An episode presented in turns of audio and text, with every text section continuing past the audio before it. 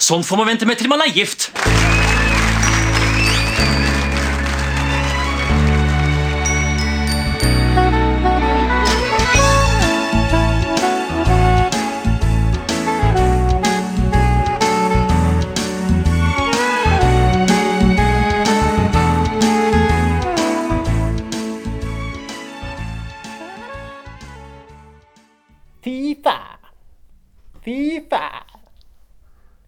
Skal du ta på meg, eller? Hallo og velkommen til norske Kutt, kutt. Hallo og velkommen til en ny episode av Norsk film filmpodkast. Podkasten hvor vi ser norsk film med et kritisk, men kjærlig blikk. Eh, Jeg er eh, Emil. Jeg sitter her som alltid med. Stefan heter jeg, og vi hadde jo en annen gjest i studio i dag som dessverre valgte å stikke av. Det var jo Jeg må gå, jeg, må, jeg vil stikke. Lena. uten tvil. Skal vi starte på nytt, eller følte jeg bare ble rot? jeg, jeg, jeg dropper det Er du ikke imponert nok over din egen parodi? Nei, jeg, jeg, får ikke, jeg er så dårlig på sånne parodier. Jeg syns du har sånn. noen veldig gode, men dette er kanskje ikke den beste du har hatt. Nei, det er ikke den beste, nei. Vi starter på nytt. Hei og velkommen til en ny episode av Norsk film filmpodkast. Podkasten hvor vi ser norsk film med et kritisk, men kjærlig blikk. Mitt navn er Emil. Jeg sitter her som alltid med. Stefan heter jeg, eh, og i dag så har vi jo sett en ordentlig klassiker fra vår barndom. Det måtte jo skje. Ikke fra vår barndom. Jeg var jo null år da filmen kom ut. Du var vel minus to. Sant, det det er jo ikke vår barndom, men det føles likevel som det er en film som har vært med meg hele livet. Liksom side om side gjennom, uh, gjennom livet. Mm. Dette her er jo en film som er produsert av produksjonsselskapet Norsk Film AS. Så det er jo som om vi skulle kalt opp uh, sjøl, tenker jeg. Ja, men det er jo um, Det var jo dette statlige norske produksjon, produksjon, produksjonsselskapet som holdt det gående liksom fra Jeg tror liksom en eller annen gang på 30-tallet og fram til helt slutten av 90, tidlig 2000, og så ble det lagt ned. Da staten faktisk hadde ansvaret for å produsere film. Og hva var det som skjedde på slutten av 90-tallet? Det var jo en viss TV-serie som begynte å gå og parodiere mye norsk film. Det var noen komikere som syntes det var veldig artig. Tenk på Bård eh, Tufte Johansen og Harald Eia. Min tese, og din tese også, Stefan, veit jeg, at det er jo egentlig de som er ansvarlig for hele den retningen som norsk film tok etter dette tiåret vi nå skal inn i. Det ble jo, det ble jo harselert og latterliggjort hele tiden, så jeg skjønner jo at, måte, norsk film, eh, at norske filmskapere ikke gikk med hodet høyt hevet og følte seg sånn kuet og latterliggjort måtte prøve å finne på noe nytt. Mhm. Noe annet enn Døden på Oslo S. Og resultatet ble Isat og Kvinnen mitt liv og Tina Bettina The Movie. Men det er ingen av de filmene vi har sett nå i dag. Vi har sett Pelle og Proffen, eh, 'Døden på Oslo S', regissert av Eva Isaksen fra 1990.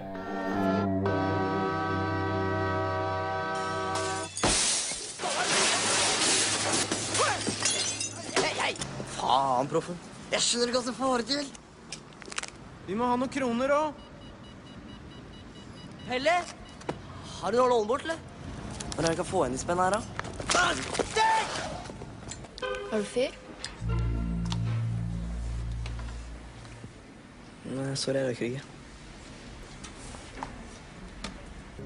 Mora mi er så sprø. Jeg tror ikke at det er så jævlig ålreit at du ringer meg. Ålreit å prate med deg. Har du fått deg kjæreste, eller? Ikke drita ut, da. Dette her er jo den første av i alt tre filmer om Pelle og Proffen. De to neste er vel 'Giftige løgner' og 'De blå ulvene'. Si meg, Stefan, hva er ditt forhold til eh, Pelle og Proffen? Nei, eh, jeg leste jo Pelle og Proffen-bøkene omtrent i stykker da jeg var sånn, gikk på barneskolen-aktig. Eh, og jeg synes jo det var, liksom, det var jo en måte veldig god Jeg synes det var morsom, god krim. Litt sånn Hardy-gutten-aktig. Litt sånn eh, Det er jo på en måte Det er jo en sånn Det er jo barne- og ungdomsbøker. Kanskje mest barnebøker. Og jeg regner med at du Du leste ikke Pelle og Proffen, Emil? Nei, jeg var mer en sånn stumpa-fyr, ja, Så jeg føler Stumpa og lektor Tørdal. Lektor Tørdal, ja. Så Pelle og Proffen, det har jeg faktisk Hva er aldri din favorittkarakter i Stumpa, Emil? Nei, det er, hva heter han? Han Nøtterud? Nøtterud? Han liker jeg. han. jeg liker eh, Jeg liker Bodø best, jeg. Er det kommet noe film om Stumpa, egentlig? Eh, ja, på 60-tallet så kom det flere. Ja, så det- Stumpa forelsker seg, Stumpa til sjøs, Stumpa et eller annet annet, og bare Stumpa, som den første het. Stumpa på Oslo S. Det bli Stumpa, det var jo det var en annen fyr. Det var først én gutt som var Stumpa, og så orka han ikke være Stumpa mer, så kom det en annen skuespiller da, etter to år. mm, Litt sånn som James Bond der, altså. Det er et uh, bredt spekter av skuespill, skuespillere som har takla den rollen. Ja, I tillegg så er det jo alltid Stumpa-damer, iallfall i de siste filmene. Mm. Men det er ikke den filmen vi skal snakke om nå. Nå skal vi snakke om Pelle og Proffen. En mye mer eh, seriøs og mørk film, kan man si.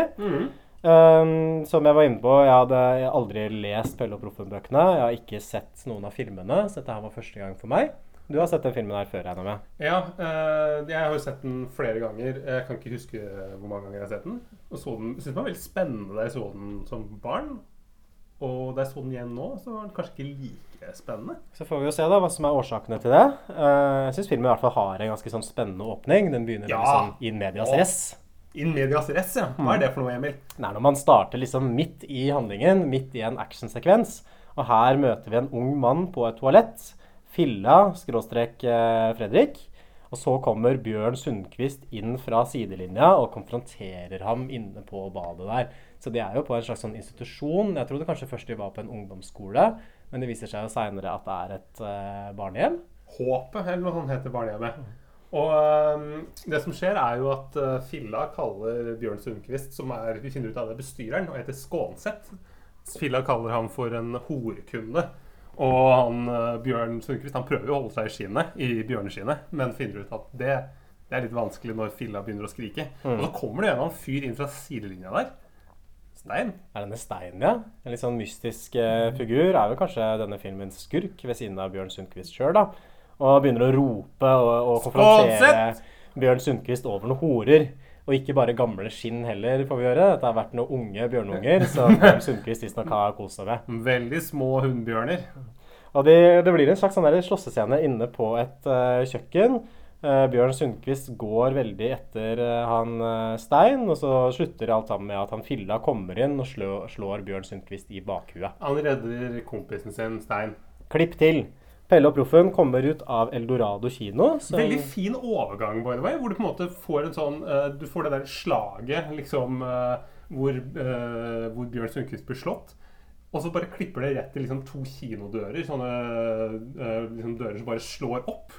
Veldig fin overgang, altså. Mm, det er eksplosivt. Filmatisk og veldig sterkt. Og Eldorado kino er kanskje bare våre Er er aller nei, er- Nei, nei, nei, dette er jo Saga. Det står Eldorado over døra. Å ja, faen, det så jeg feil, ja. ja, ja, ja. Eldorado har jo nå blitt en sånn bokhandel med et svært eh, sortiment av faglitteratur, skjønnlitteratur, poesi, oversatte titler osv. Kan du få gratis kaffe der også, hvis du går innom til riktig tid? Jeg tror faktisk det. I hvert fall få gratis vann fra den eh, vanndispenseren. Veldig godt og kaldt. Jeg kjenner noen som går dit utelukkende for å sitte og drikke kaffe, og bruker det som en slags kafé.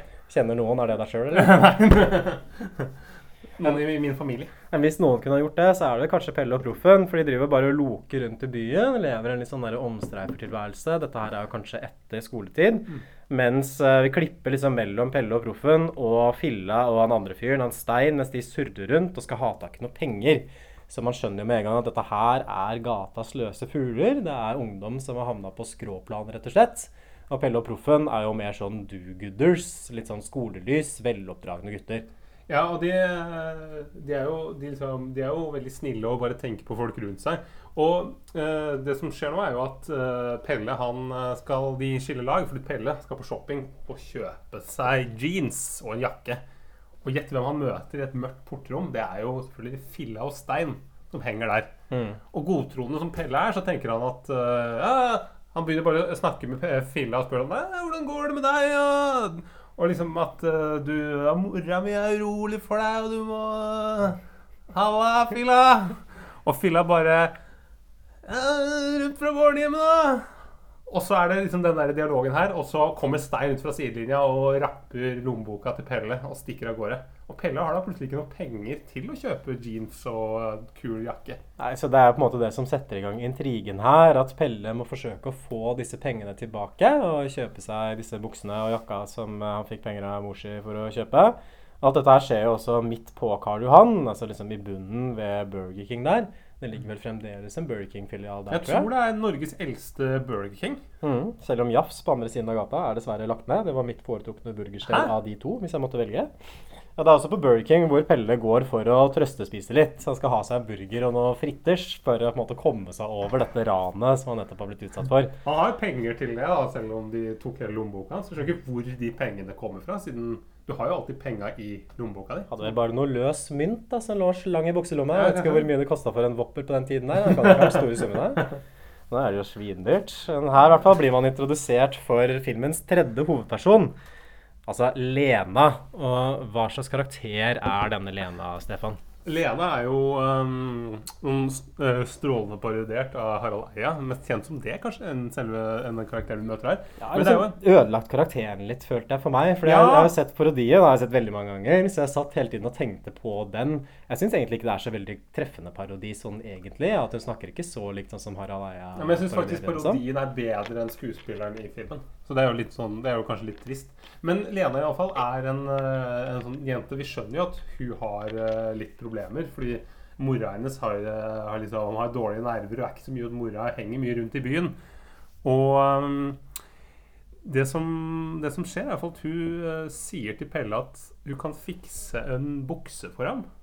For uh, Var det gratis? Nei, han tok vel opp noe mynt, så det var vel mynten mynt, ja. som ble igjen etter den Burger King-handelen. da. Kanskje det er en eh, 50 kroner eller noe sånt da, i mynt? Og hun er jo, Det blir jo etablert med en gang at hun har en viss sånn der mystikk ved seg, hun Lena. Hun uh, har liksom rød leppestift, veldig sånn tung sminke rundt øynene.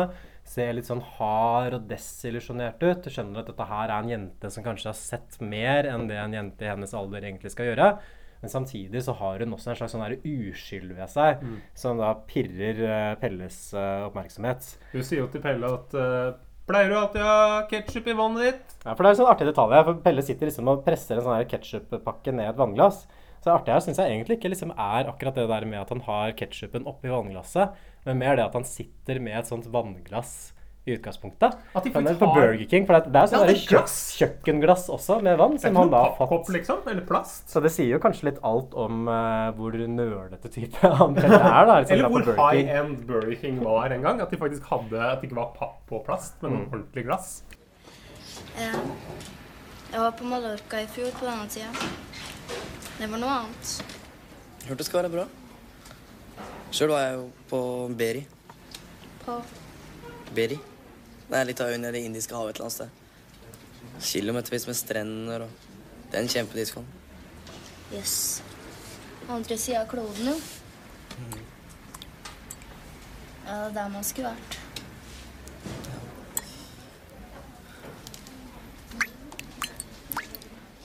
Pleier du alltid å ha ketsjup i vannrett, eller?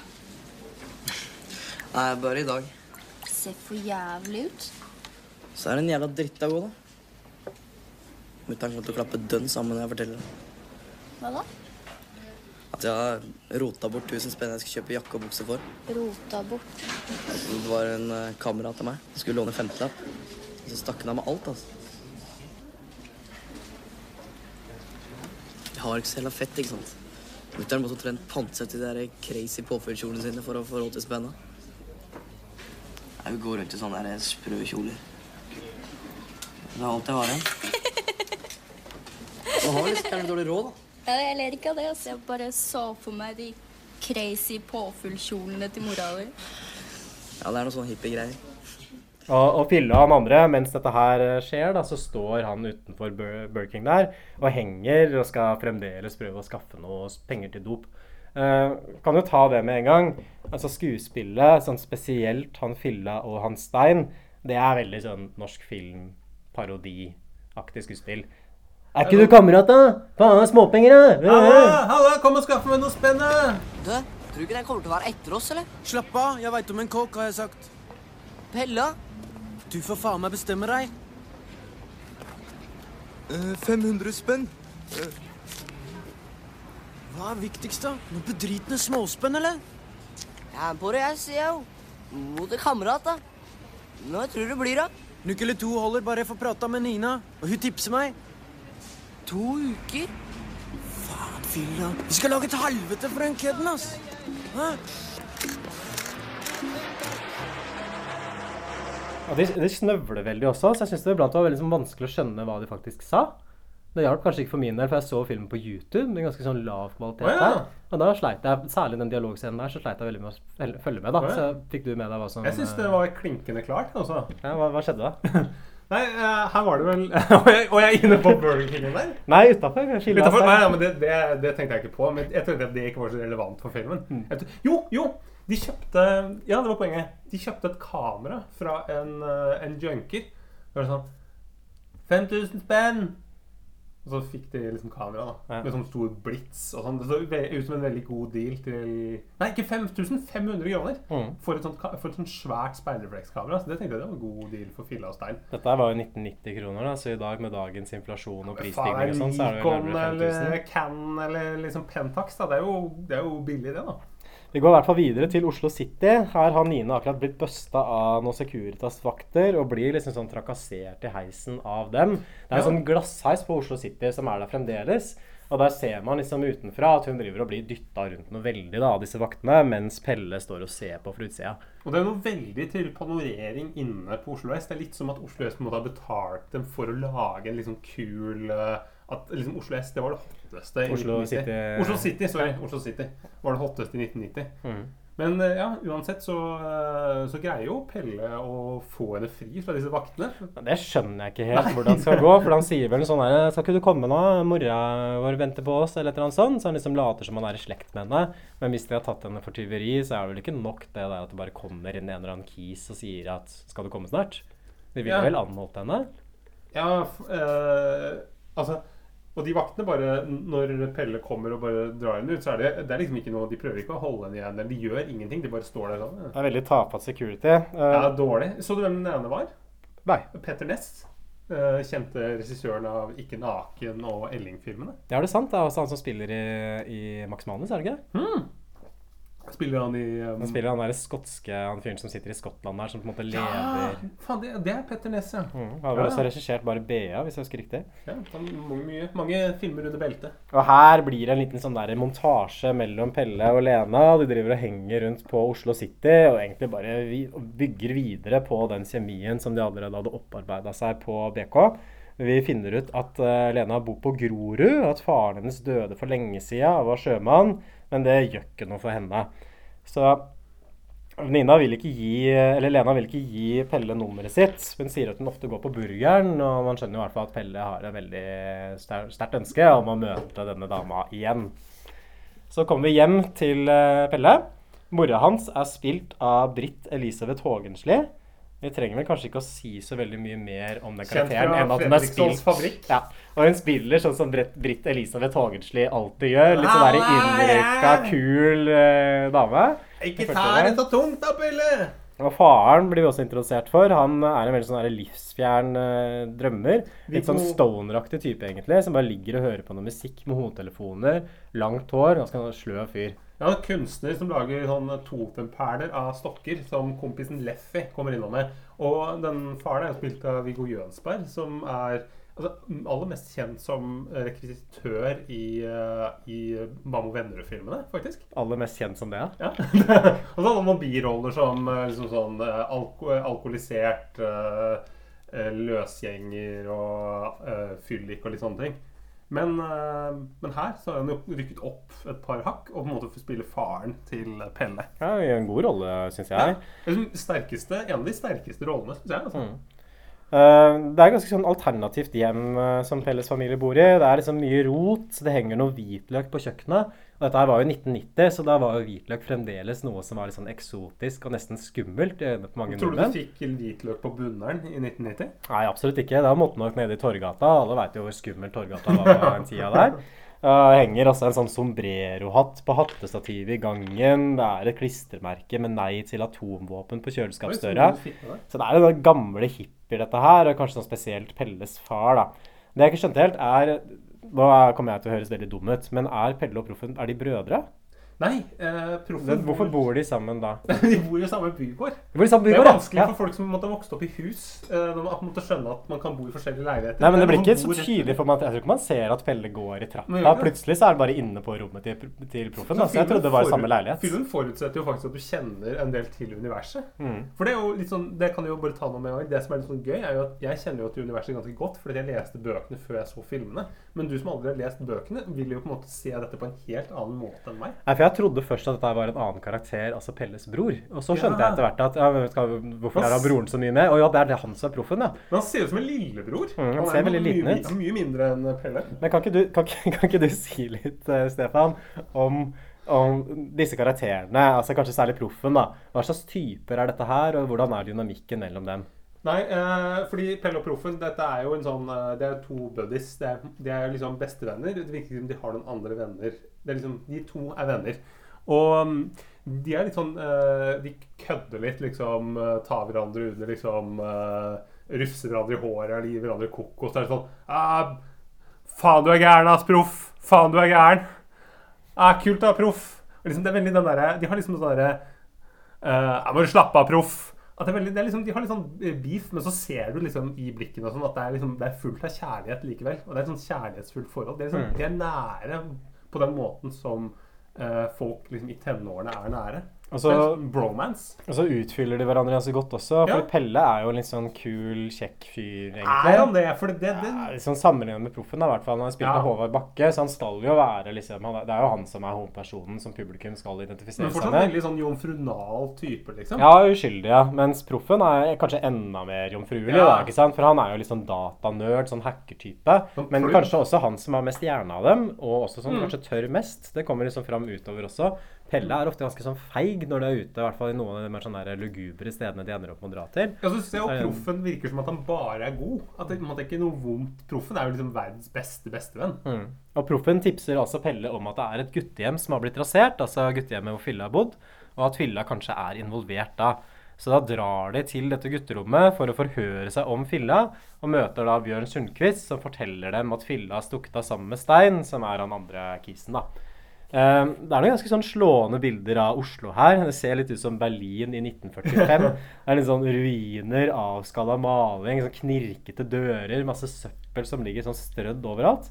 Jeg syns det minner veldig om det der Oslo-portrettet som vi fikk i budbringeren. Ja, Altså, helt enig. Så jeg lurer liksom, Hva var det med Oslo på 90-tallet? Så det så jævlig ut, eller er det bare sånn filmatisk grep at man liksom viser frem skyggesiden, da? Ja, men det er jo kjent, det er jo, det er jo hele området der hvor, uh, hvor du har um, SAS hotell og Galleri Oslo i dag, var jo sånn der stor, det var jo bare en svær parkeringsplass. En sånn der ørken liksom, hvor det bare sto busser og var sånn tivoli. Litt sånn der sånn tivoli som reiser rundt på Hamar-Martnan f.eks. Og liksom Altså sånn der midlertidig tivoli. Så alt så jo bare ut som en sånn derre Det så ut som en sånn rivningstomt. Så det er vel ruinen av jappetida bankis Ja. eh, vi ser, da? Eller mer bare at man på en måte Man, man hadde litt sånn man, man, man rev veldig mye, og så hadde man ikke en sånn veldig mye plan for hva man skulle bygge opp. De, de planene man hadde for det man skulle bygge opp, det tok mye lengre tid enn det man hadde trodd. Mm. Så det var jo liksom helt fram til sånn ut på tidlig 2000-tall, så var det jo Så så det jo ganske jævlig ut i det området. Og det ser jo ikke så bra ut der nå, men Det ser mye bedre ut enn det du gjør Ja, det gjør det jo. der. For det er liksom morsomt å se,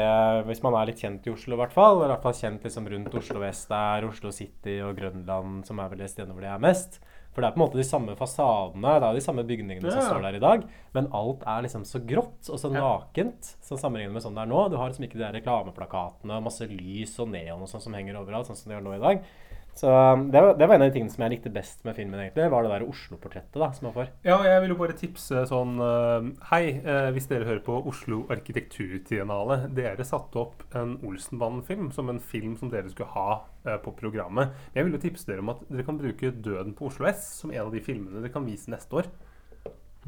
Bare en beskjed til dem. Ja. Og, eh, ja, og det er jo gøy. De kommenterer jo litt sånn samtidsaktuelle ting. De liksom kommenterer det der, det tårnet på trafikanten på jernbanen. Ja, for det er det neste som skjer når de drar ned på Oslo S, og så peker vel er proffen kanskje, som sier sånn Jeg syns det jævla tårnet der er kult, det, altså. Og så står de liksom litt og diskuterer er dette tårnet her egentlig fint eller ikke.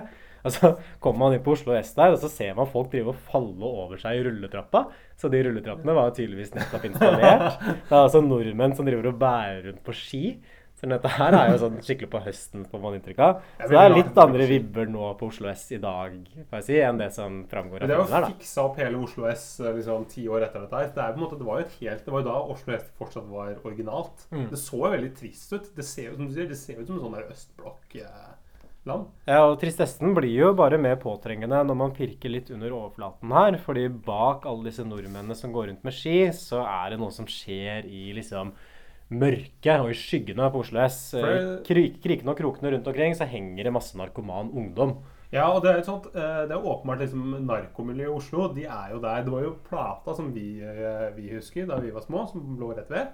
Men også Oslo S var jo på en måte full av dunkere og narkiser og alt mulig rart. Ja. Og det er jo eh, Det er flust av det i den filmen her. Og vi får jo en scene der med hvor vi virkelig får kjenne på liksom dette mørke, kalde liksom denne liksom eh, dommedags-Oslo. Hvor eh, sivilpolitimann Spilt av Geir Kvarme. Ja! Geir Kvarme er En litt, uh, litt fyldigere Geir Kvarme. Jeg er vant til å se ham. Det var litt sånn sexy uh... Ja, han ser jo alltid bra ut, han da. Fy faen, ja. Det er, Han kunne ha veid 200 kilo og fortsatt vært en sekmann. Ja, det er på en måte ja, en sånn slags sånn eh, Selv, sånn, selv Jørn Foss-størrelse så ville han vært fin. Ja, det, er, det, det er et sånn derre eh, overdosedødsfall der. Det er vel noen som er inne i en sånn der, sånn fotobooth eller noe sånt, som har sittet inni der og tatt noe heroin og tatt noe skudd og sånn. Som faller bare ut, da, så kommer litt sånn Geir Kvarme. Eh, møter også sånn gjeng ikke sant, som sitter og hoster, og så henger med huet, kaller folk for streitinger. Sånne ting som eh, narkoman ungdom pleier å gjøre.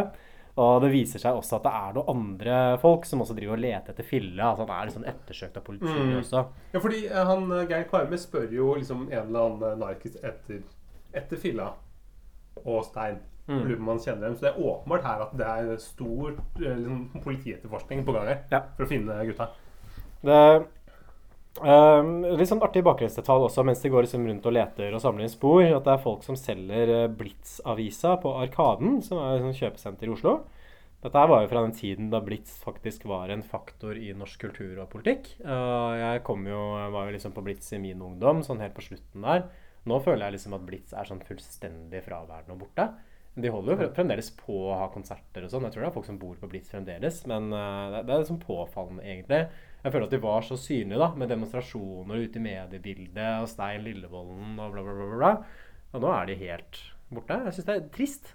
Ja, det, det er synd det. at vi ikke har noe sånn litt sånn annet anti liksom på, på, eh, på den sida av eh, det politiske spekteret. Mm. Men uh, Pelle Proffen får i hvert fall beskjed om at filla henger hos noen som heter Dunkerne, og så drar de da bort til disse dunkerne. Hva slags gjeng er dette her? Ja, eh, for dette er litt sånn skummelt. Litt sånn skrekkfilmaktig. Det er litt, eh, For å dra en parallell, da, for vi vet jo at eh, alle lyttere de hører jo på alle podkaster. Og det er litt sånn som i Budbringeren, når Roy, postmann Roy blir slått ned av disse narkomane i en eller annen mørk bygård i Oslo. Litt sånn er det hos dunkerne, bare kanskje 100 ganger verre. For det er, det er helt mørkt. Og litt sånn ekkel stemning. Det henger en, en dokke som måtte, med en tau rundt halsen fra en av trappene. Liksom- Dingler, ja. ja. ja, Mm. dingler fram og tilbake. Og så kommer vi inn i en helt Så- mørk, rasert Så Der står det også 'drep snuten' tagga på veggene Åh. med en gang vi kommer inn. Og så ligger det en sånn gammel sånn rør-TV som det står NRK på. Ja, men Liksom sånn- tagga NRK på. Tomflasker, så når du går oppover trappa der, så høres det. Liksom i det glasset. Det er masse katter som flyr rundt omkring. Det ser nesten ut som det ser ut på Svartlamoen i Trondheim. jeg, der hvor jeg bodde før, så jeg følte meg veldig Hjemme der. hjemme så scenen. Så så faktisk var det innlagt dass i leiligheten her, da. Ja, det var jo fordelen over Svartlamoen, da. Så det er en veldig liten gjestfri gjeng også som holder til der. Pelle blir angrepet av med kniv nesten rett etter de kommet inn, og det kommer liksom inn i et sånn skikkelig reir, altså. Altså Ja, de bare ligger sånn slengt rundt. Folk liksom ligger på gamle madrasser og bare, bare ligger der. Kamerater av filla! Nei, får vekk venninna, for faen.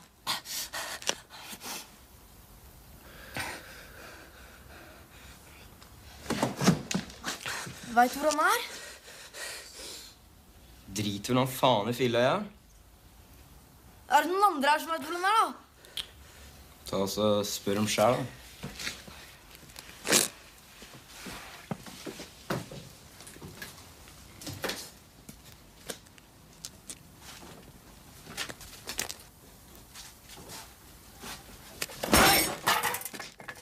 Folk som lurer på hvor filla er hen.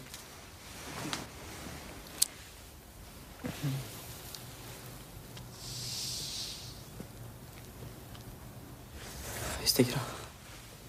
Og dunking for eh, de av de mer uskyldige lytterne våre, det er jo at man driver og sniffer eh, lim og formfett og eh, løsemidler. Gjerne liksom i en plastpose f.eks., eller i en sokk til og med kan man bruke. Og det kalles da å dunke. Og det er vel kanskje noe av den sånn destruktive rusen du kan holde på med, tror jeg. Det er veldig veldig skadelig for kroppen, og man får veldig lite igjen for det sånn rusmessig. Ja. Vi i Norsk uh, film filmpodkast tar jo avstand fra dunking. Vi tar avstand fra dunking. Vi eh, syns ikke det er noe kult. Nei. Det er andre ting vi syns er kult. Nei, vi, vi, dette er en rusfri podkast. Vi tar avstand fra dunking, og vi tar avstand fra heroin. Og tar også avstand fra død på Oslo S, bare for å ha sagt det. Det er vi imot.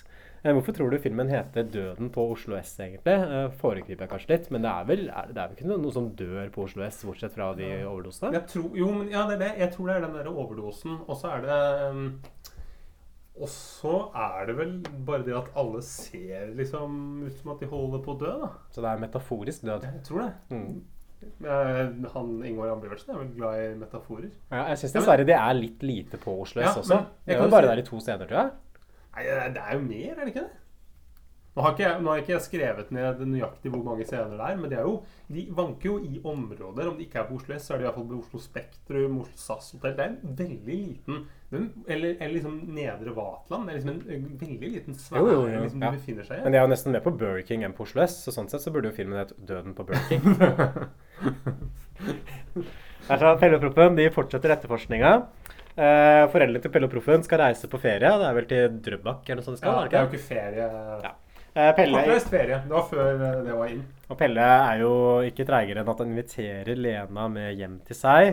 Eh, her er det veldig sånn fin scene at Proffen skrur på TV-en nede i leiligheten sin, og så kommer det en englefjes av DumDum Boys. Mm. Så det er vel en låt som er lagd sånn spesielt til filmen. Lagd- Kjartan eh, Kristiansen, som er uh, gjør et eller annet i DumDum Boys. Han har jo ansvar for musikken der, så det er sikkert han som har fått sneket inn den. Ja, og her kjente jeg liksom Det er sånn rart iblant at du kan få nostalgi for noe som man egentlig ikke har vært med på, hvis du skjønner hva jeg mener. Mm. For den filmen her kom jo ut ikke sant, da jeg var null år, så jeg har jo ikke noe forhold til den, sånn egentlig. Men jeg følte likevel på en sånn varm følelse av nostalgi Oi. med liksom de bildene av Lena og Pelle inn i leiligheten, og proffen som sitter og hører på den låta i leiligheten sin, og liksom det der gitarriffet Jeg syns de lykkes veldig veldig godt å liksom etablere en sånn romantisk ungdomsfilmstemning. Altså. Det, det, det må jeg si. Mellom Lena og liksom denne og hele? Nei, mer sånn estetikken i filmen, sånn, sånn følelsen liksom som filmen gir, da. Eh, Jeg, jeg syns jo i og for seg ikke det forholdet mellom Lena og Pelle er så dårlig skildra heller. Selv om det kanskje er litt sånn utroverdig at de har falt så veldig for Ja. hverandre. Akkurat det er litt sånn tynt. Men det er liksom det, det Oslo-foto, liksom den derre epoken som virker så langt borte nå, da, ikke sant? Som filmen klarer å portrettere på en ganske god måte. Og den der litt sånn der 80-tallsmusikken over. Nei, jeg, jeg ble solgt, jeg, altså. Ja, fordi her syns jo jeg filmen begynner å gå for sakte. Her uh, syns jeg det blir veldig langtekkelig. Jeg bare sitter og venter på at det skal skje noe. Så jeg, jeg fikk ikke helt samme følelsen her. Altså. Jeg syns jeg liksom liker nostalgien, men uh, nei, det går for treigt, altså. Men, og her, her får vi jo liksom virkelig fram vennskapet så, mellom Pelle og Proffen. Liksom. Når Proffen har rigga opp til filmkveld og Lena med Pelle, og Lena ringer, så begynner Proffen bare å pakke sammen bilbanen og ta med seg Deirik-TV-en ned i, eh, i eh, leiligheten sin. For han skjønner nå at på en måte, Pelle får besøk av dame for første gang. Og det er jo koselig. Det er, jo veldig, eh, det er jo da du på en måte skjønner at Proffen han er på en måte en, han er veldig sympatisk. Han er en god, god bro, altså en god kamerat, rett og slett. Og Pelle tar også og varmer opp en sånn skikkelig klassisk norsk lørdagspizza. Sånn 80-90-tallspizza. Med Det sånn er sikkert sånn 10-10 cm tjukk bunn på en pizza.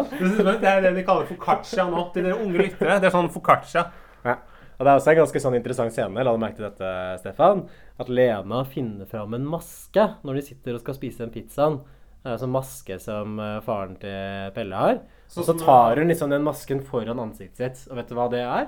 Det er en metafor for at Lena ikke er den som Pelle tror at hun er. Ikke sant? Hun, har på seg, hun tar på seg masken, Oi! ikke sant? og det er en metafor. ikke sant? Fordi her ikke sant? Hun tar, tar den masken foran ansiktet, og da er spørsmålet sånn Går hun med en maske? Og i så fall, hva er den masken? Hvem er den egentlig Lena?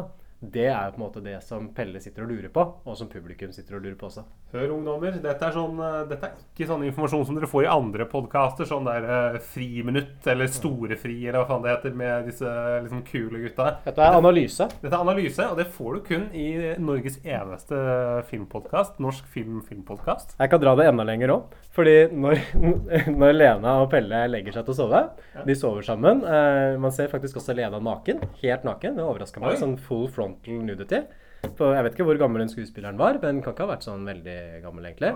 Ikke sånn våga til å være så gammel film. Men hun kommer seg i hvert fall under dyna. Og så har liksom kameraet en sånn der panorering, som Lena sier at man, man flytter kamera liksom kameraet søker rundt omkring i rommet. Starter liksom oppe på veggen, og så går det forbi noe sånn maske på veggen, og så ned på Lena og Pelle som ligger i, i senga. Og igjen, Dette her er jo en metafor. For hva er det som kjennetegner folk som går med masker? Jo, de skjuler sitt sanne ansikt. De later som de er noen andre enn det det, er, det egentlig er. Ikke sant? Folk har på seg en maske. Da ser du ikke ansiktet deres. Du ser maska. Og alt virker fint og flott. Maska kan se fin ut, den. Men bak maska så er det en annen person. Så tenk litt over det. Ikke sant? Hva, hva er det filmen forsøker å formidle her? Jo, det er en hemmelighet som Lena går rundt og bærer på, som Pelle ikke har sett. Det, det er sånn jeg tolker denne Oi. scenen. Sånne analyser tror jeg aldri har blitt gjort av Døden på Oslo S noen gang. Sikkert ikke én filmstudent fra Lillehammer eller filmvitenskap i Trondheim eller Nesna som har greid å finne ut av det her. Dette her er jo stoff for en bacheloroppgave. Ja. Maskesymbolikken i Pelle og Proffen-trilogien. Så bare tips hvis noen vil skal skrive en bacheloroppgave, så er det bare å intervjue deg, Emil. Nei, kan jo, vi kan, jo- jeg kan jo være veileder, så kan Ja. du være biveileder, Stefan. Og tipse folk som er kjente fra Bam og Vennerød-rekvisitører. Og... Jeg får jo stadig sånne forespørsler, og ofte takker jeg nei, men kanskje akkurat denne gang til jeg faktisk skal si ja. Eh, plottet må gå videre, og Lena gir tips om at Gokken, som er en fyr som de hørte snakk om hos Eller disse- Goggen. Er det Gokken eller Gokken? Goggen. Det er, Goggen. navnet er vel Gokstad, så det gir kanskje mening at det er Gokken. Gok Gokken. Ja. Gokken. Altså, det er en fyr som de hørte snakk om borte hos disse limsniffende dunkerne.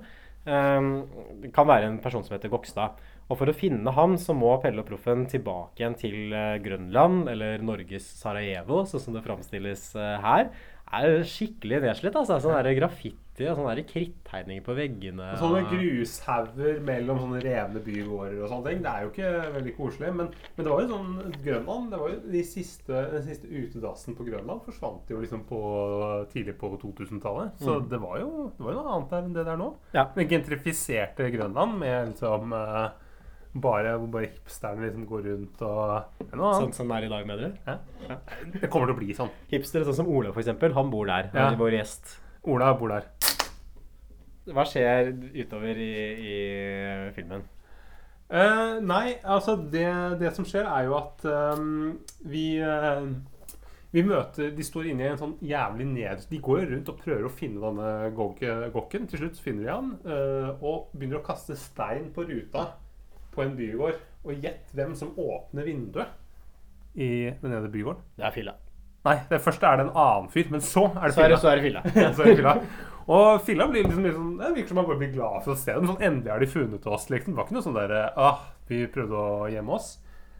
Og så får vi jo, så skjønner vi jo hva Filla og Stein, hva, de, hva deres lumske plan er.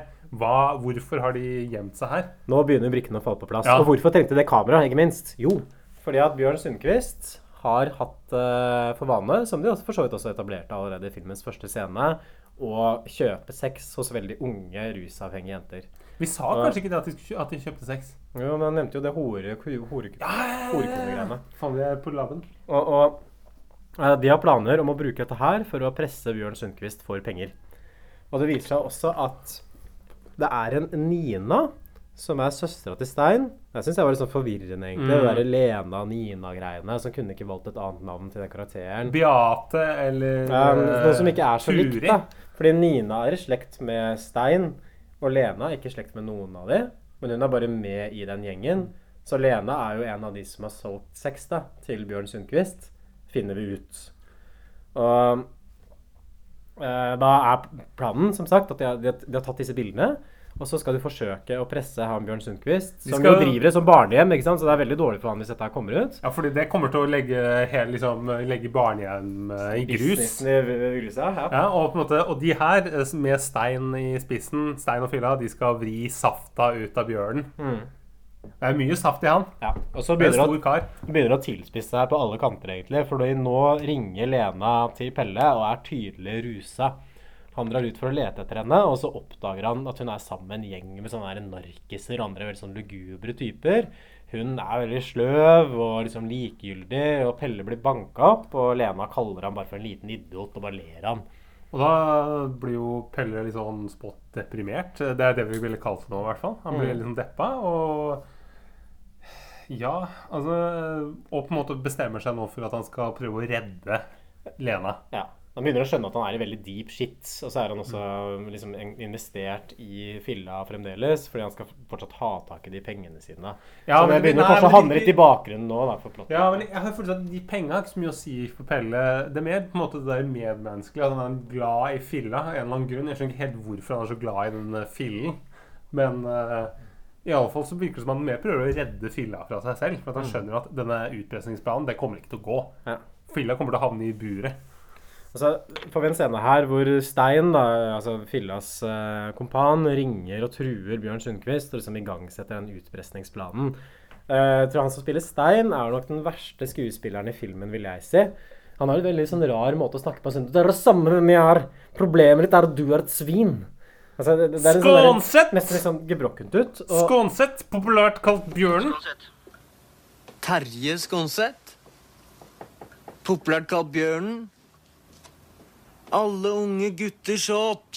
Hallo, eh, hvem er det jeg snakker med? Det spiller ingen rolle hvem jeg er. Jeg vil ha penger. Detaljer kan vi preike om seinere. Du må bare forberede banken din. Den er ikke dum, den. Er det du, Filla? Det er det samme hvem jeg er. Problemet ditt er at du er et svin. Åssen vi skal klare å forhindre at hele Norge får greie på det? At du er et svin. Skjønner du, Stein? Det hjelper ikke stort. Det viktige er at Filla og jeg lånte noen kameraer og telelinser og sånn, og dro på din kantabin for å fotografere dyrelivet der oppe. Og veit du hva vi så? Veit du det? Sett på rekorderen. Sett på rekorderen. Veit du det? Nei? Sjølveste Bamse Brakar i hiet sitt. Du må ikke tro han lå der og kjela seg aleine. Å nei, der var det flere kamerater han. Og så noen nette små hunnbjørner. Skjønner du? Kan du høre litt på meg, Stein? Veldig små var et par av de hunnbjørna. Men faen noen fotogener de var. Det filla jeg lurer på nå, er hva vi skal gjøre med den filmen. Hør litt på meg, Stein. Kanskje du kunne tenke deg å kjøpe det? Kan du høre litt på meg? Prøvebilder er på vei. Du får dem i morgen. Liker du dem, kan vi jo si 100 000 kroner. Er du ikke interessert, så veit jeg om noen aviser og ukeblader. Stein! Kan du ikke høre litt?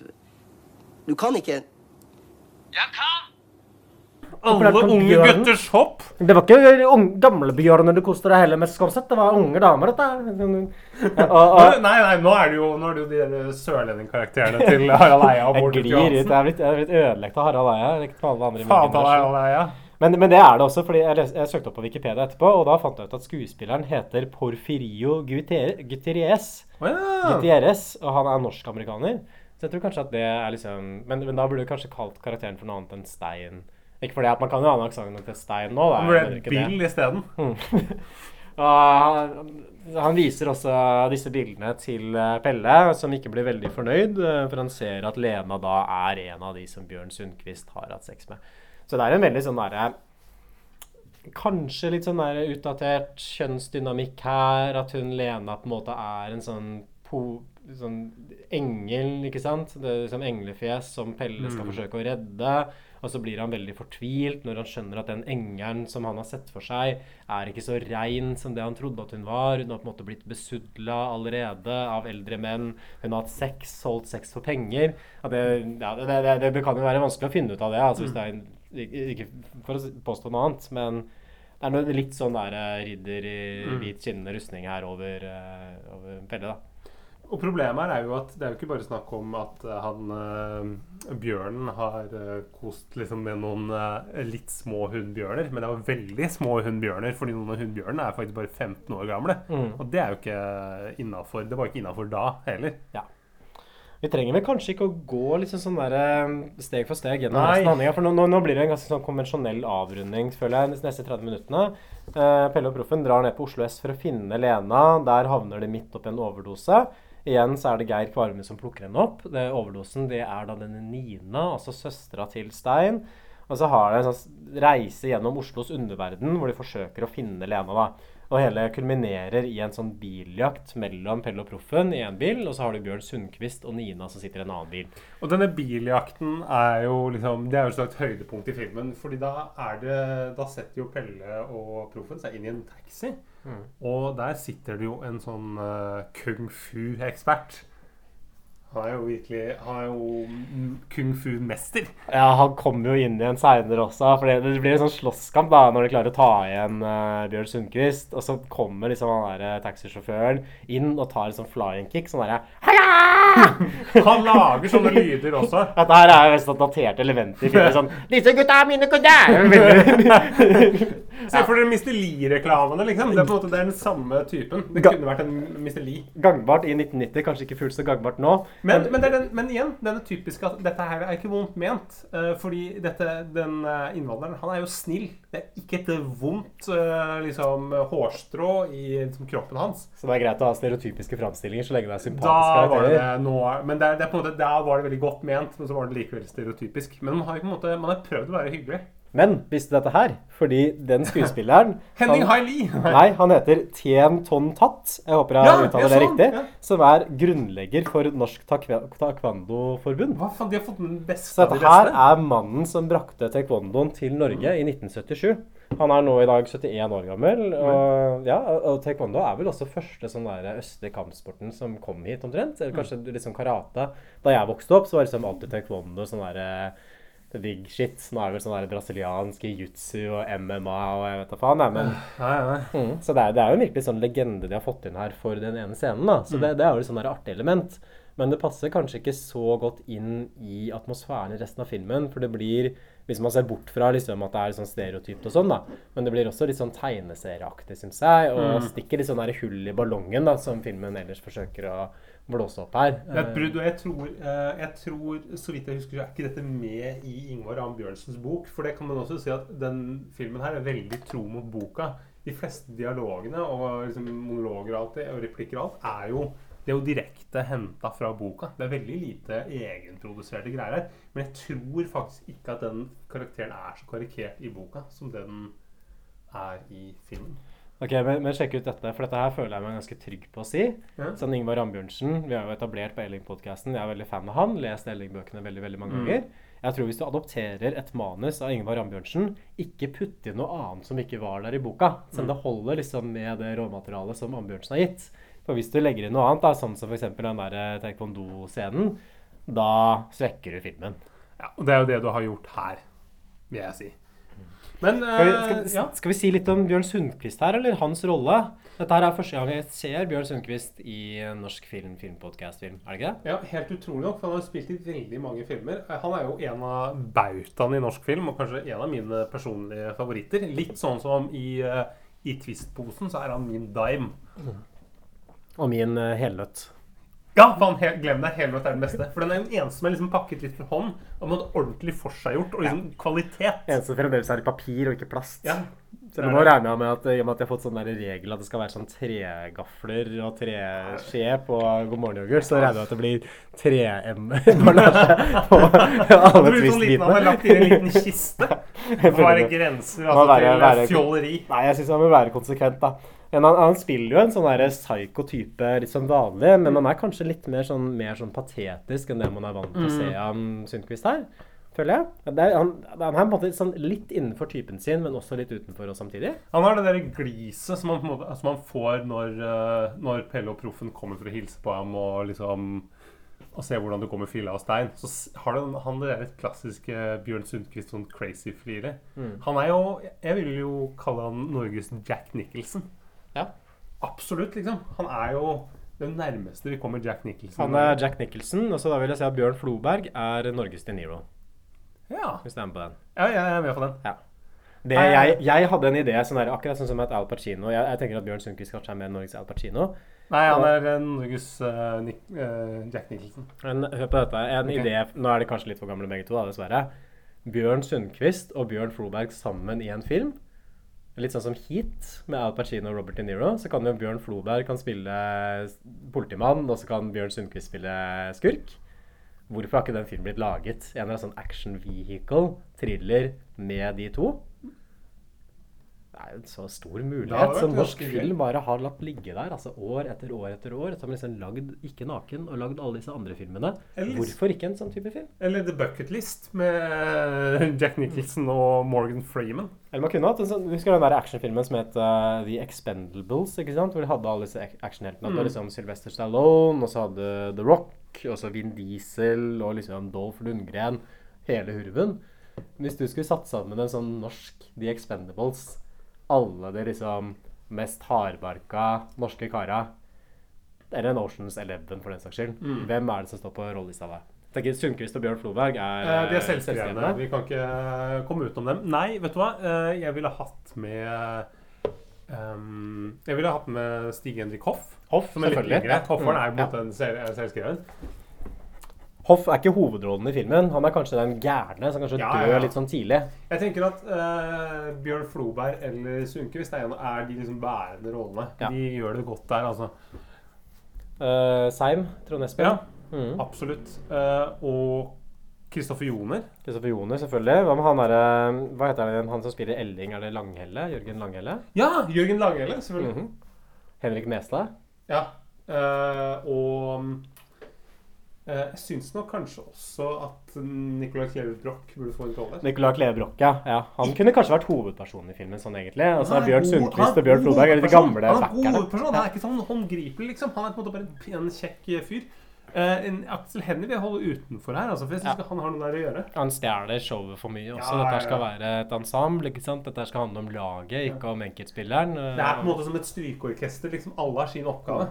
Aksel Hennie er en litt for uh, stor soloist til å kunne passe inn i dette. En litt for dominerende dirigent. Mm. Det er kanskje et strykeorkester uten en dirigent. Mm. Peter Ness er dirigenten her. Hva med Geir Kvarme? Jeg føler at Ja, Geir Kvarme. Fordi Geir Kvarme spiller jo ofte litt sånn der silly karakterer. Sånn Ja, som så. i Fredrikssons Fabrikk The Movie, for eksempel. Her i filmen her så er han litt sånn tøff, og jeg tror kanskje han har det i seg også. Jeg kunne sett for meg Geir Kvarme bare som en sånn iskald skurk. Nå skal jeg komme med en eh, kontroversiell påstand. og det er mener at eh, Geir Karme er nok kanskje en av Norges mest undervurderte skuespillere. Jeg synes han, uh, han kunne gjort så mye. Jeg syns ikke det er kontroversielt i det hele tatt. Det. Nei, men For noen kanskje som sitter der ute, liksom ungdommen som sitter og klamrer seg til radioapparatet og bare tenker sånn Nei, Odd Magnus Williamson er min favoritt. Men nei, Geir Kvarme faktisk. Det er en, altså det, er- han, han er god. altså. Han kan, han er mangefasettert fyr. Han kan gjøre både liksom humor, litt sånn svake karakterer, litt sånn dumme, som han postmannen i Blåfjell, men også disse liksom macho typene som vi ser liksom han derre politimannen i eh, Døden på Oslo S. Han kan alt, han. Geir Kvarme. Ja, men jeg tenker at Hvis du ikke tenker at uh, Geir Kvarme er undervurdert, så har du ikke hørt nok på Norsk Film Filmpodkast. At det er et eller annet med vårt mindset, vårt blikk på norsk film, som vi forsøker å formidle her. Det er f.eks. at Fredrikssons Fabrikk, The Movie, er en av de beste norske filmene noensinne. Og at Geir Kvarme er en undervurdert skuespiller. Og at Stig Henrik Hoff burde fått Amanda for beste hovedrolle i en film som var laget rundt ham. Det Vi får ta det med i det strategidokumentet som skal utarbeide nå i desember. Eh, liksom når årsmeldinga legges fram. Bare å følge med. Torbjørn Harr, har han en plass i norske Som en litt sånn birolle. Jeg er jo ikke noen fan av Harreren, men eh, Nei. jeg blir litt for mye harang med Harreren. Um, ja, uh, nå er vel filmen egentlig litt sånn ferdig. Fordi liksom Sundquist blir slått, da, og så tar Pelle med seg Lena hjem til foreldrene. Foreldrene bestemmer seg for at hun skal flytte, flytte inn hos dem. Og så slutter liksom med filmen med at eh, Bjørn Sundquist er i fengsel. Uh, Filla er liksom fremdeles på kjøret, tror jeg man skal forstå av den siste gang man ser ham. Mm, eh, Står fortsatt utafor den Burger Kingen der. Og Lena Skal hun på avrusning, eller skal hun i barnevernet? Jeg skjønner ikke helt Jeg tror det er en sånn avrusning eller sånn fosterfamilie. Det er sånn langt unna byen. Mm. I oppfølgeren 'Diktige løgner' så får vi jo møte Lena igjen. Ja, for det, fordi hun er med i alle tre filmene, så jeg. Det syns jeg var litt Å sånn ja! overraskende. Det er med i eh, blå, De blå ulvene. Ja, ja, ja. Ja. For det er ikke med i alle bøkene. Og så, så spør i hvert fall Lena sånn på slutten til Pelle sånn Vil du vente på meg? Og så svarer Pelle ja.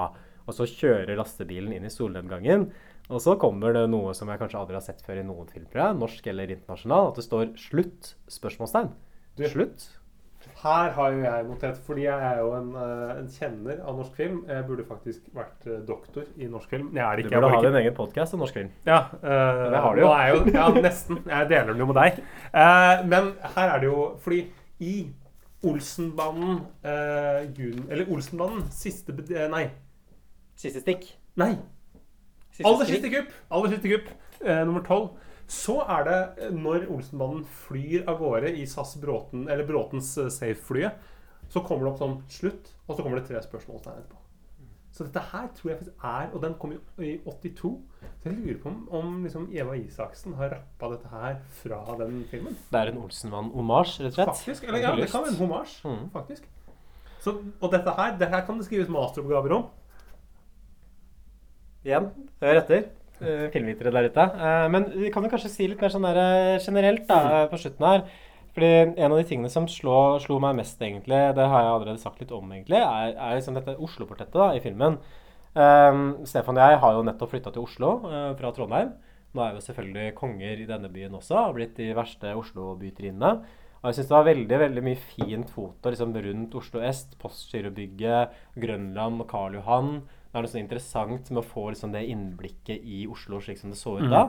Og det minner meg liksom om at film eh, også har alltid en sånn dokumentarisk effekt. da. En ting er at film handler jo på en måte, Det er, det er på en måte handlingen i filmen, men i kraft liksom at filmen er liksom filma ute på gater, ikke sant? hvordan folk er kledd, ikke sant? rekvisitter osv., så, videre, så bærer det også preg av den tiden som den ble laget. Så det får en sånn her ny verdi når man sitter og ser på den sånn 30 år etterpå. Fordi da er det liksom ikke bare en Pelle og Proffen-film. Det blir også et sånt innblikk i en tid som er forbi.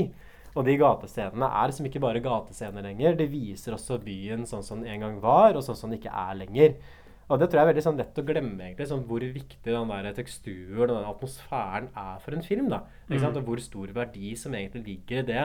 At vi kan sitte her og liksom se tilbake på en tid som vi ikke levde i, sånn egentlig, og så få det såpass sånn tydelig representert. Altså tenk liksom Hvis man hadde lagd film sånn i Aten eller Romerriket eller et eller annet sånt, det hadde vært utrolig interessant bare som, som et sånt dokument fra den tiden. Og det var liksom noe som slo meg, slo meg her. Og som jeg tror også norsk film undervurderer veldig. Sånn som den der Beatles-filmen, eksempel, som de bestemte seg for å filme i Budapest. Da har du ikke forstått det. Da tenker man at den filmen her bare handler om handlinga. Den kan filmes på hvilket som helst gatehjørne. Samme faen om det liksom er i Norge eller i Ungarn. Men, men det er jo ikke det. Ikke Ja, for det er et tidsportrett. Ja. Men, det, men, det, men akkurat det der er jo på en måte også et problem med Beatles og sånne type filmer. At det er jo liksom litt sånne eh, De foregår i en annen tid. Det er på en måte litt sånn rollespillfilmer. At da, da blir liksom Da blir fortsatt noe annet, for alt er så sminka. Og det er det du ikke får i de filmene som du får i disse filmene som er satt i sin egen samtid. Ja, ja, nettopp, ja. ja. Og som er så fantastisk med å se dem. Dette er jo helt fantastisk det er jo- et av de beste Oslo-portrettene jeg noen gang har sett. Det blir jo liksom helt sånn eh, Det er kanskje det som som jeg sitter igjen med etter å ha sett den filmen, som, det, som, som er det beste med filmen. Ja. at det, det er filma en sånn del av Oslo som du vanligvis ikke pleier å filme i. Mm. For dette er ikke et veldig delikat område, eller en del av Oslo. Det var det i hvert fall ikke da, og det er det kanskje ikke nå heller. Mm. Det, si? det er jo også klart liksom at filmen byr på et veldig sånn karikert portrett, eller sånn urealistisk portrett kanskje, av ungdomskulturen på den tiden. Men Ja. det syns jeg, jeg syns ikke det gjør noe sånn egentlig. Altså, Men- sånn der, fordi det blir noe sånn der, Litt sånn hypervirkelig ved det. ikke sant? At man føler at ja, ikke sant? det er liksom satt på spissen, men det gjør på en måte at det oppleves som enda mer sant. Det blir enda mer her er, mitt, her er mitt spørsmål. Fordi tror du at Tror du at folk i 1990 snakket sånn som de gjør i den filmen her, eller tror du det er bare at Ingvar Ambjørnsen snakker sånn? For jeg synes han, har samme måte å prate på i alle bøkene, bortsett fra Elling-bøkene. Men tenker du da på liksom replikkene sånn som de er skrevet, eller er det skuespillet? eller Nei, mer, eh, mer replikkene sånn som de er skrevet. Er det 90-tallsslang, eller er det Ingvar Ambjørnsen-slang? Dette her er jo liksom veldig vanskelig for oss å si, fordi vi er vokst opp i den der jævla åpen post-tradisjonen. Og liksom den generasjonen Pokker, vi der. skulle fått med et eller annet sånn fossil inn i studio her som kunne sagt noe om dette her. Bekrefta og avkrefta, liksom, var det sånn de snakka. For jeg føler at liksom Harald Eia og Bård Tufte Johansen har liksom ødelagt den måten å lage norsk film på. Ja. Det er liksom umulig å lage den type norsk film som går for den samme effekten, litt sånn overdrevne karikerte. Mm. Fordi det blir den derre ja, Lena-parodigreia med en gang, da. ikke sant? Og, det blir veldig vanskelig å ta seriøst. Og- Men jeg, jeg syns kanskje ikke at den derre kramperealismen som veldig mye film går for nå for tiden, er så veldig god erstatning sånn egentlig. Gi meg heller noe som er litt sånn overdrevet og satt på spissen, enn den der liksom surringa og mumlinga Ja. som du får i Isat og liksom de filmene der. Ja, fordi det du, det du kan si om dette her, er at det er jo eh, fordi at de har tatt rett ut av boka til Ingvar Ambjørnsen, så er det jo veldig flott. Det er jo godt skrevne replikker. Jeg syns jo han er Altså, det er jo morsomt med disse liksom uh, Skånsett og vi safta ut av bjørnen og eh, Altså, eh, det er ikke realistisk, for disse typene her, liksom Filla og Stein, ville jo aldri kommet på De ville jo bare sagt sånn eh, Uh, Skålsett, uh, du har pult uh, horer på 15 år, vi ville ha 100 000 kroner. De ville ikke måtte lagt så mye liksom, formulert det så bra, tror jeg. Nei, men Trenger det å være så himla realistisk? da? Man, er ser, jo, man mener. ser jo på film for å se på Nei. film. Sånn er, Det det. er da kan du bare stå og overhøre en samtale på gata hvis du vil ha realisme. Altså, mitt, mitt sitat er 'film er film, virkelighet er virkelighet'. det er slagordet til podkasten. Jeg syns det er litt så dårlig gjort også, den parodien. Ja, er kanskje litt sånn dumt å ta opp, da, men overfor hun som spiller Lena. Helle, Helle Bech anerkjennelse? Jo, men hør, da. Eh, Fordi hun sa liksom at den Lena-rollen ble en veldig stor belastning for henne. Hun måtte flytte til København for å komme seg unna. Dette er liksom de eneste tre filmene hun har spilt i, er disse Pelloproffen-filmene. Og liksom da gå inn og liksom lage en sånn parodi på det, jeg vet ikke. Altså, det, det, det er noe litt sånn der det, det, Jeg syns det virker sånn unødvendig, da. Men det, som er bra, er at hun Figenschou har åpenbart klart seg veldig godt. fordi ifølge Wikipedia så er hun i dag en fremtredende person i Norges magedans- og folkedansmiljø. Med magedans og folkedans. Magedans og folkedans med spesialitet i kursjekk, som eh, Wikipedia beskriver som en sigøynerdans fra Balkan. Så det går an å komme seg videre altså, fra Pelle Grove-filmene til en eh, lukrativ uh, magedans- og folkedanskarriere. Ekspert i såkalt sigøynerdans. Ja, nei, eh, det er, jo, det er jo bra for henne. Jeg syns jo ikke det Altså, jeg tenker jo at hun burde ta det som en anerkjennelse og bli parodiert. Og at Jeg syns ikke den, den rolletolkninga Det er en av de svakeste her. Jeg syns ikke det var så verst, jeg. Syns du det? Ja. Jeg synes, hvis, hvis, hvis, hvis, dette er jo veldig fascinerende. Her er det jo spennende å rangere rollene. Og jeg vil jo rangere Stein som definitivt dårligste er her. den svakeste, ja. Ja, svakeste. Filla er en av de svakeste. Jeg syns kanskje Lena Nei, ok, nei, Filla er dårlig. Og så Lena. Måtte... Proffen syns jeg altså ikke er så Hæ? Jeg syns Proffen er litt sterkere. Altså. Jeg, jeg syns egentlig ikke at Bjørn Sundquist er så god her heller. At jeg, for kunne, kunne, gjort, altså. kunne gjort mer ut av den rollen. At han blir litt for anonym for å være den skurken som Det filmen virker litt som han er slengt innom mellom andre oppdrag. Så er det sånn Ja, faen, vil du spille bestyrer Skånsett, sånn horekunde i på Ja, jeg kan gjøre det. Det er jo Håvard Bakke som spiller Pelle. Igjen også ganske sånn forglemmelig prestasjon. Jeg syns ikke han gjør det spesielt bra. Måte, og eh, problemet her òg er at det ikke Håvard Bakke er Han, han er bedre som sånn reklamefilmstemme enn som skuespiller. Han er ikke med i vår norske versjon av Expendables med Stig Nei, Henrik for Hoff sånn. og Kleve Broch og Sundquist og Froberg. Du, Håvard Bakke, fortsett med de Coop eh, Obs-reklamene hvor du brøler ut tilbud og sånn. Jeg syns du gjør det bedre enn som skuespiller. Du har veldig fin stemme, Håvard. Men har vi noe mer å si om filmen eller, før vi runder av? Uh, ja, det, det jeg lurer på er du, altså, Syns du, syns du Pelle og Proffen-karakterene er realistiske? For jeg syns de er altfor alt snille. De er altfor selvoppofrende. Det er liksom ikke et vondt Det er ikke noe vondt i dem i det hele tatt. Det er, Det er nok litt sånn besteborgerlig, ja. Men samtidig så er det noe som er sånn? Man må nok se det også litt i kontekst når filmen ble laget. da. Til å være på 90-tallet så syns jeg det funker. Jeg syns også det fungerer på en måte som en kontrast til liksom det miljøet som skildres. Nå, Med dagens øyne så framstår kanskje ikke det heroinmiljøet på Oslo S som så veldig truende og så veldig skummelt sånn egentlig. Så bare det- men mange som er veldig slitne og litt lite. men det fungerer liksom bra for filmen at du har disse nokså sånn uskyldsrene gutta som blir introdusert for en sånn skjult side av Oslo som de ikke var klar over. Så fra et mer sånn der, eh, fortellermessig perspektiv så syns jeg den kontrasten funker, da. Eh, den karakteren som jeg syns kanskje er mest urealistisk, er Proffen, fordi at han er liksom for god, da. Han er han er bare god. ja, han er for smart, han er for lojal.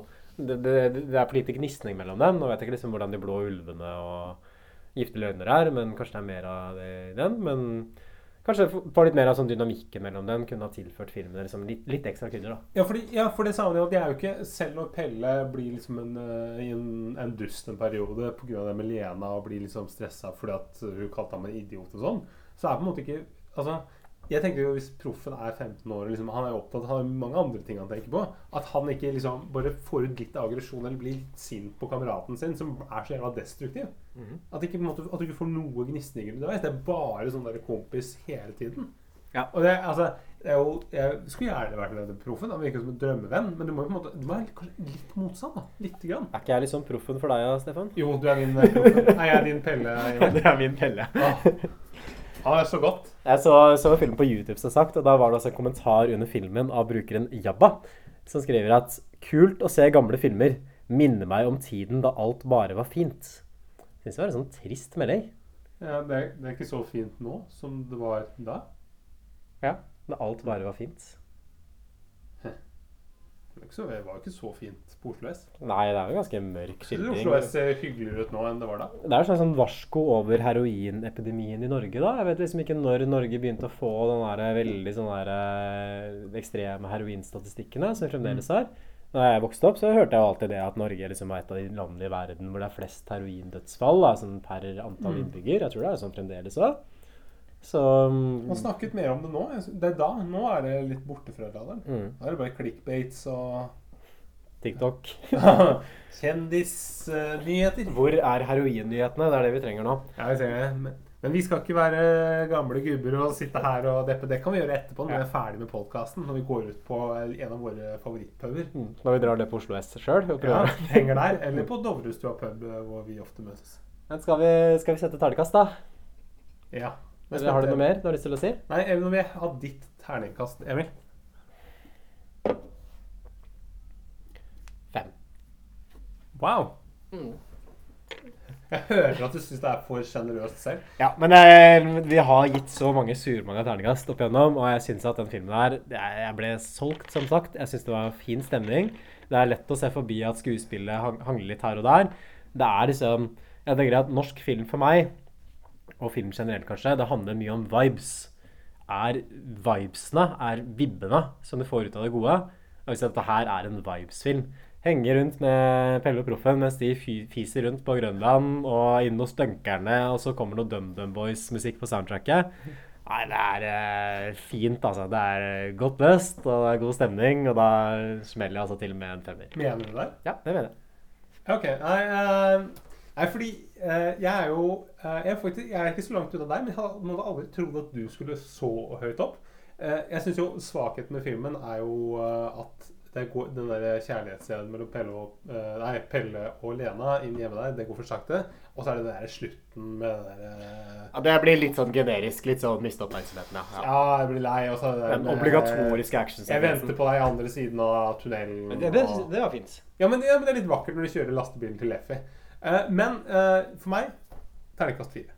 Okay. Som jeg syns er den raus firer. Jeg kunne gått lavere, men det er en firer.